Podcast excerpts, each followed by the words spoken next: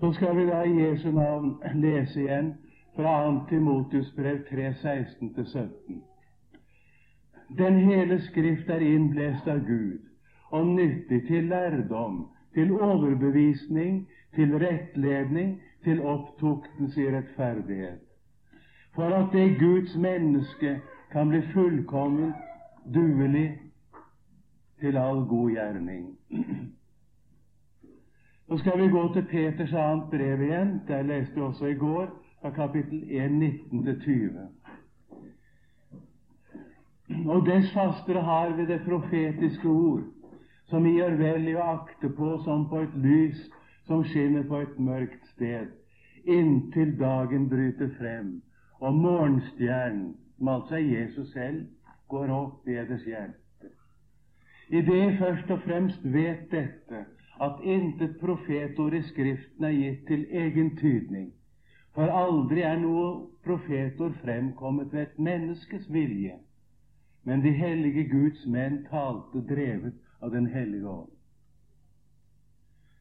I Johannes 6, vers 63, der leser vi, der sier Jesus De ord jeg har talt til eder, er ånd og er liv. Foreløpig skal jeg ikke lese mer. I går talte vi om at Bibelen er Guds ord, og at du møter Jesus personlig i Bibelen. Det er også tale om i Romerbrevets tiende kapittel fra vers 6. Der står det litt om hva rettferdigheten av troen sier.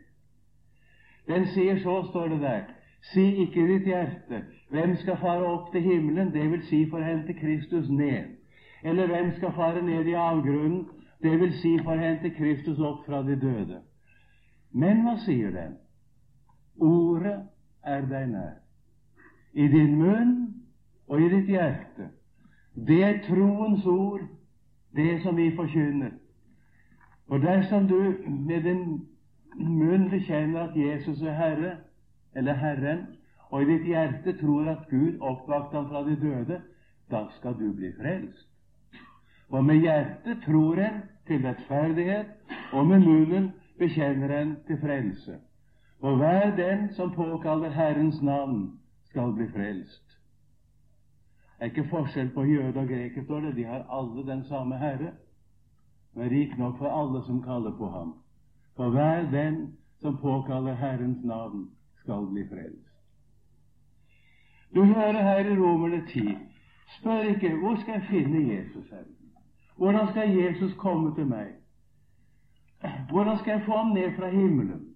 Eller hvordan skulle jeg få ham opp fra avgrunnen? Hvordan skal jeg få tak i Jesus? Men si meg, er det ikke slik du ofte spør? Når du skal be, når du skal lese Bibelen, når du kommer på møte Hvordan skal jeg få møte Jesus? Hvordan skal jeg få tak i Jesus? Hvordan skal Jesus komme til meg? Si ikke slik. For ordet er den her.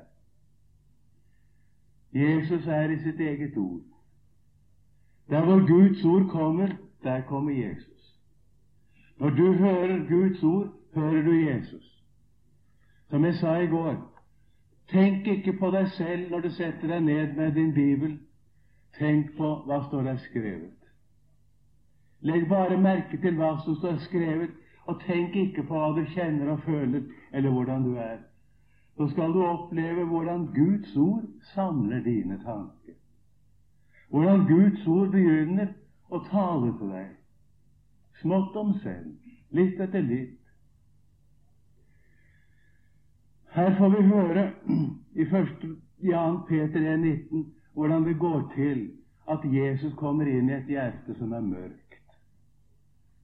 Dess fastere har vi det profetiske ordet, står. Du ser at det knytter seg til det som er sagt foran i det kapitlet. Der forteller Peter at han og Jakob og Johannes var sammen med Jesus på det hellige berg. De så Jesus forklare. De hørte Faderen tale til seg om Jesus. Er ikke det vi ønsker? Er ikke det vi trenger? Å se Jesus åpenbart for oss. Å høre Gud tale til oss og høre Jesus tale til oss om ham og seg selv. Nå sier han dess fastere har vi det profetiske ord. Det som de opplevde på fjellet, det skal vi få oppleve gjennom det han kaller det profetiske ord. Det vil si det ord som er talt til oss ved de hellige Guds menn. Det ord som står skrevet i Bibelen. Det profetiske ord er ett og det samme som Bibelen. Gi akt på det profetiske ord. Det er akkurat som når det er mørkt i et rom. Da tar man lyset med seg inn i det rommet som det er mørkt. Det gjorde man den gangen. Man tok lampen med inn i det rommet hvor det var mørkt. Nå skrur vi på en bryter, men vi tenner i hvert fall lyset der hvor det er mørkt. Vi venter ikke noe lys i rommet før lyset kommer inn der. Slik skal vi gjøre med Guds ord. Når det er mørkt i et menneskes hjerte, da skal Guds ord inn i det hjertet hvor det er mørkt. Det skal ikke først bli lyst i ditt hjerte, og så skal du etterpå forstå Guds ord. Men du skal ta Guds ord til deg mens det er mørkt. Jeg vet ikke om jeg taler til noen her. Det er vel ikke så mange på dette møtet akkurat. Men jeg vet ikke om jeg skulle tale til en eller annen likevel, som ikke er kommet igjennom til livet i Gud. Du vil gjerne være en kristen, men du er ikke kommet igjennom til livet i Gud. Da skal du høre dette. Du skal begynne med å ta Guds ord til deg, og fremfor alt ta til deg alt det som Guds ord sier om din frelse og det Han har gjort. Det skal du begynne å stole på, begynne å sette din lit til nå ikke vente på opplevelser. Ikke si til Jesus og la meg få oppleve frelsen, og så tenke at når jeg først har fått oppleve frelsen, ja, da skal jeg ikke tvile på at Guds nåde er for meg. Jeg skal begynne nå, mens det er mørkt. Du forstår det er slik det går for seg. En tar lyset inn i det rommet hvor det er mørkt, og så begynner Guds ord å virke. Hos noen kan det gå litt fort, hos andre tar det lengre tid, men det blir som en morgendemning. Det blir som det er når dagen lyser frem, står det, og morgenstjernen går opp i deres hjerte. Det er Jesus som kalles den klare morgenstjerne, og det varsler om morgenstjernen Jesus har gått opp i våre hjerter, så varsler at da kommer dagen for oss. Den dagen da solen går opp, det er Jesu gjenkomst, det forstår du. Og da blir vi med når Jesus kommer igjen, når morgenstjernen er gått opp i våre hjerter. I det vi først og fremst vet dette, at intet profetord kan tydes ut fra seg selv. Det gjelder å gi akt på Skriften. Hva står det skrevet? Jeg må ikke si det at du ikke har tid til å lese Bibelen, for da taler du ikke sant. Den tiden tar vi. Vi venter ikke på å få den. Og du må ikke vente med å lese Bibelen til du blir interessert. Du må ikke vente med å lese Bibelen til du har lyst. Du må begynne uten å ha tid og uten å ha lyst. Vil du huske det? Og jeg vil si deg en ting, kjære venner. Og det er alvorlig, det. Hvis ikke du leser Bibelen uten å ha tid og uten å ha lyst, kommer du aldri til himmelen. Aldri, om du så går på møter hele ditt liv. Om vi kunne rope det ut i Norges land, til alle som blir med å være kristne Hvis ikke de begynner regelmessig å lese Bibelen uten å ha tid og uten å ha lyst, så når de ikke målet, og de kan ikke leve rett med Gud i sitt daglige liv. Det er Guds ord som virker alt i oss. Men begynner du å lese, så skal du oppdage noe. Du får tid. Tar du tid, så får du den i massevis. Jeg har opplevd dette selv. Jeg vet hva jeg snakker om. Det er mange timer om dagen ofte som er gått med for meg til Guds ord. Og du, for en glede det har vært. For en rikdom det har vært. Men jeg har også hatt det for meg det at det ikke er tid. Det er et bedrag hvis vi innbiller oss det er sant. Men vi må begynne. Vi må ta oss tid til å lese. Vi må gå til Skriften uten at vi synes vi har tid, og uten at vi kjenner noen lyst. For det gamle mennesket, det strider mot alt som hører Gud til. Og det gamle mennesket har vi oss så lenge vi lever. Om du har vært en kristen i mange år, så vil du plages av ulyst i Bibelen. Om ikke annet, så setter det inn over deg når det er mest om å gjøre. For da er djevelen på pletten for å hindre deg. Han er redd for alle som leser i Bibelen. Alle som leser i Bibelen, er farlige for djevelen. Du kan skjønne han kjemper imot det. Men du skal vite en ting. Han er en beseiret motstander, og overfor Guds ord er han totalt maktesløs.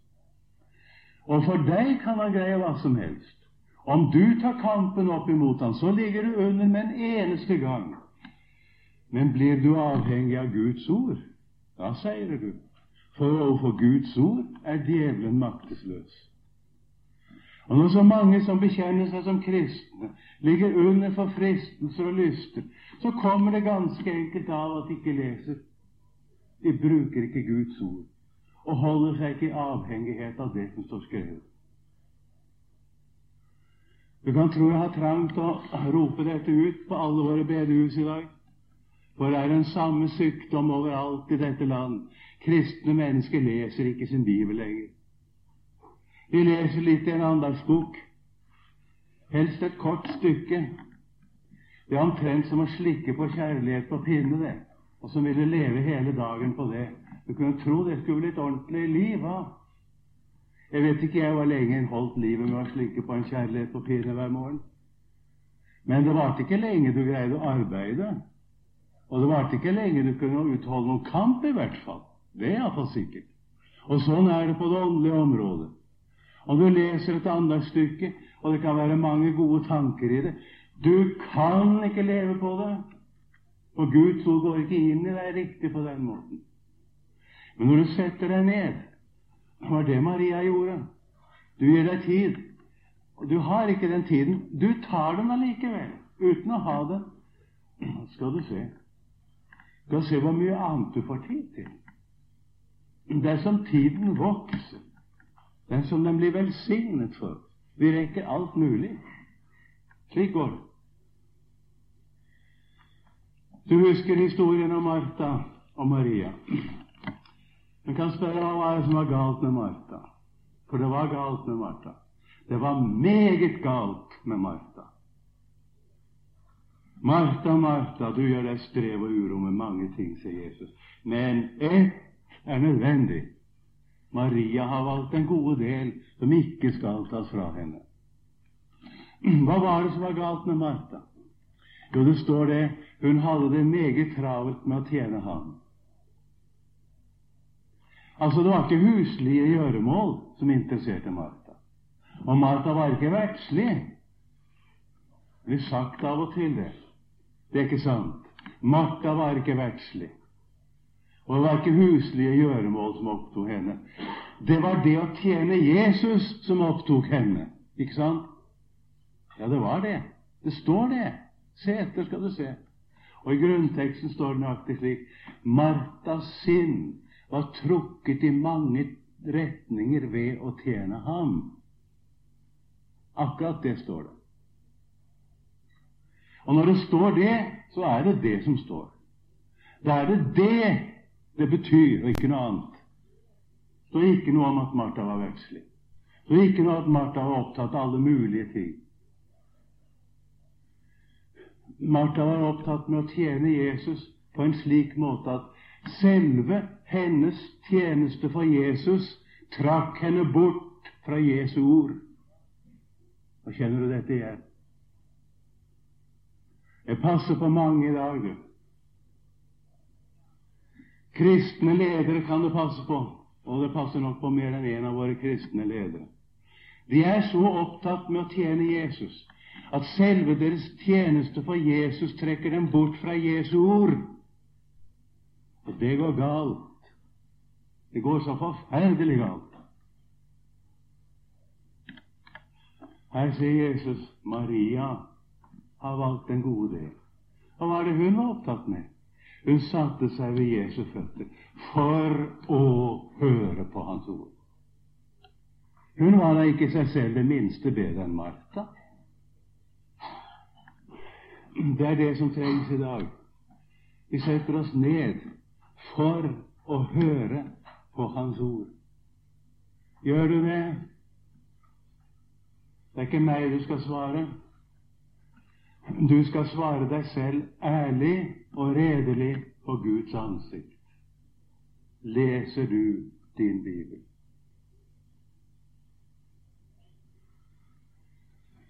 Hva det virker, det er aldeles utrolig. Nå skal vi gå til det ordet jeg leste først. Den er nyttig. Det husker jeg sluttet møtet i går med å si at nyttig betyr at Bibelen utretter. Først står det nyttig til overbevis, til, til lærdom, står det først, og til overbevisning. At den er nyttig til lærdom, det betyr ikke at Bibelen er en lærebok. Det er den slett ikke. Men det betyr at Bibelen er en lærer. Jesus har sagt til deg og meg jeg skal ikke kalle noen på jorden deres lærer. For én er deres lærer, Kristus. Men hvor møter jeg den undervisningen hen? Og hvordan skal han få være det for meg? I Bibelen. Bibelen underviser meg. Bibelen opplyser meg. Og her er det altså som det står om disiplene leste det ordet fra Lukas 24 i går.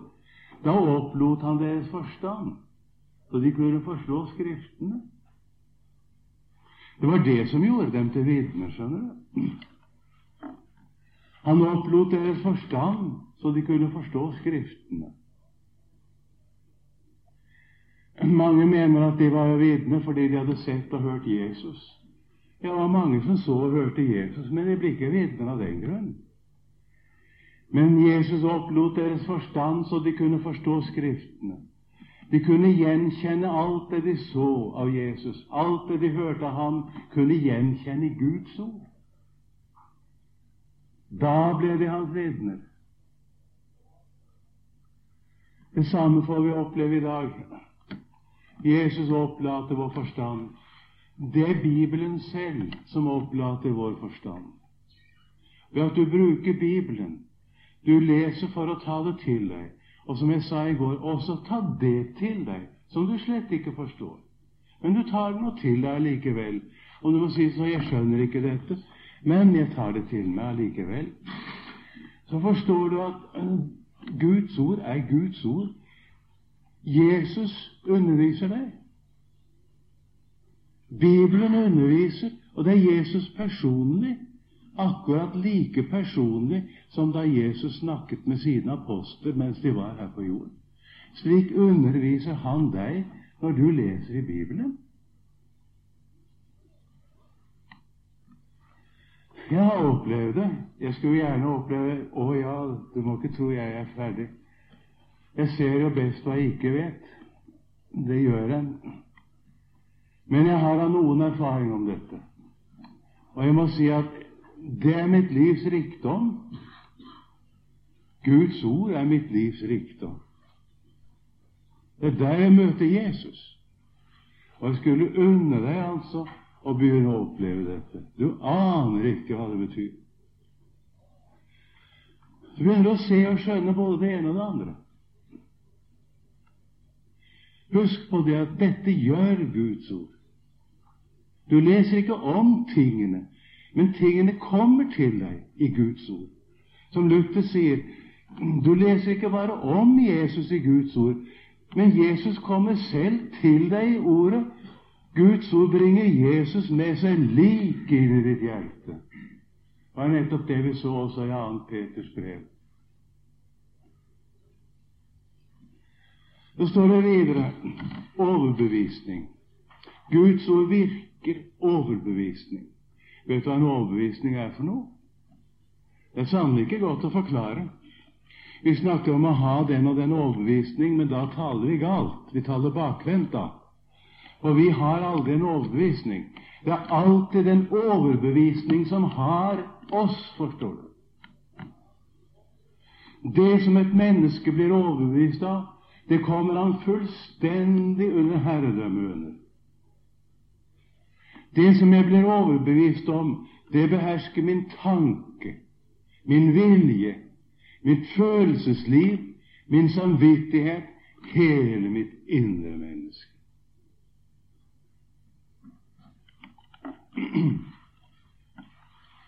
Du kan se en overbevist marxist. Han tenker marxistisk, han vil marxistisk, han føler marxistisk. ikke sant? Du kan sette virkeligheten frem for en som er marxist, og en som er alminnelig hva skal vi kalle det demokrat. De sier stikk motsatte ting om samme kjensgjerning. Det som den ene kaller frihet og demokrati, det kaller den andre for kapitalisme. Og det som en demokrat kaller diktatur, det kaller de for frihet. Og det verste er at de mener det. De tror det. Det som en blir overbevist av, det kommer under herredømme under. Men hør nå her, nå står det om Den hellige ånd. Han skal overbevise verden om synd, om rettferdighet og om dom. Om synd, nemlig at de ikke tror på meg. Om rettferdighet fordi jeg går til Faderen og jeg ser meg ikke lenger. Om dom fordi denne verdens første er dømt. Åndens overbevisning begynner allerede for verdslige mennesker. Og det har jeg sett. Jeg har sett enda dem som har bekjent seg for å være ateister og marxister, bli overbevist av Guds ord og bli det stikk motsatt av det som de var. Og frimodige vitner om Jesus. Det har jeg sett. Guds ord greier det som intet menneske greier.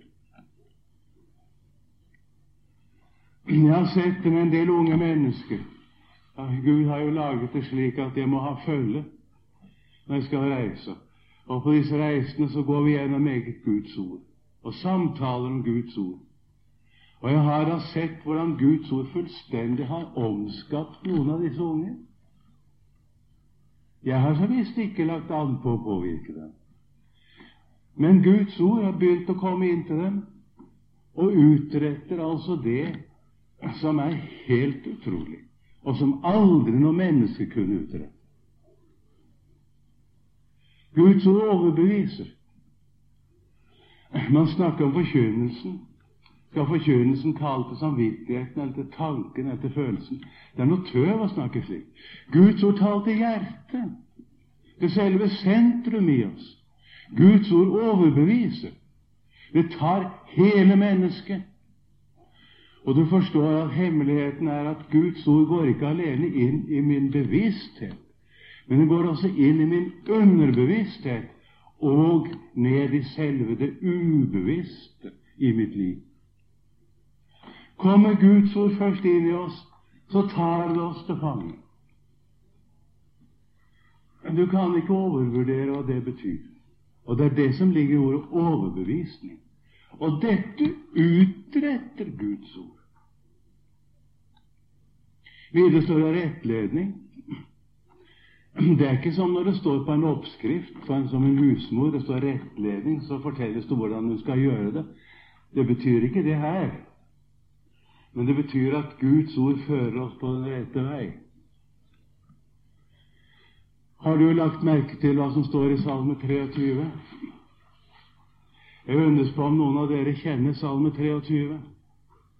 Det er en av de salmer som er lest oftest, sitert mest og som de kristne kjenner minst.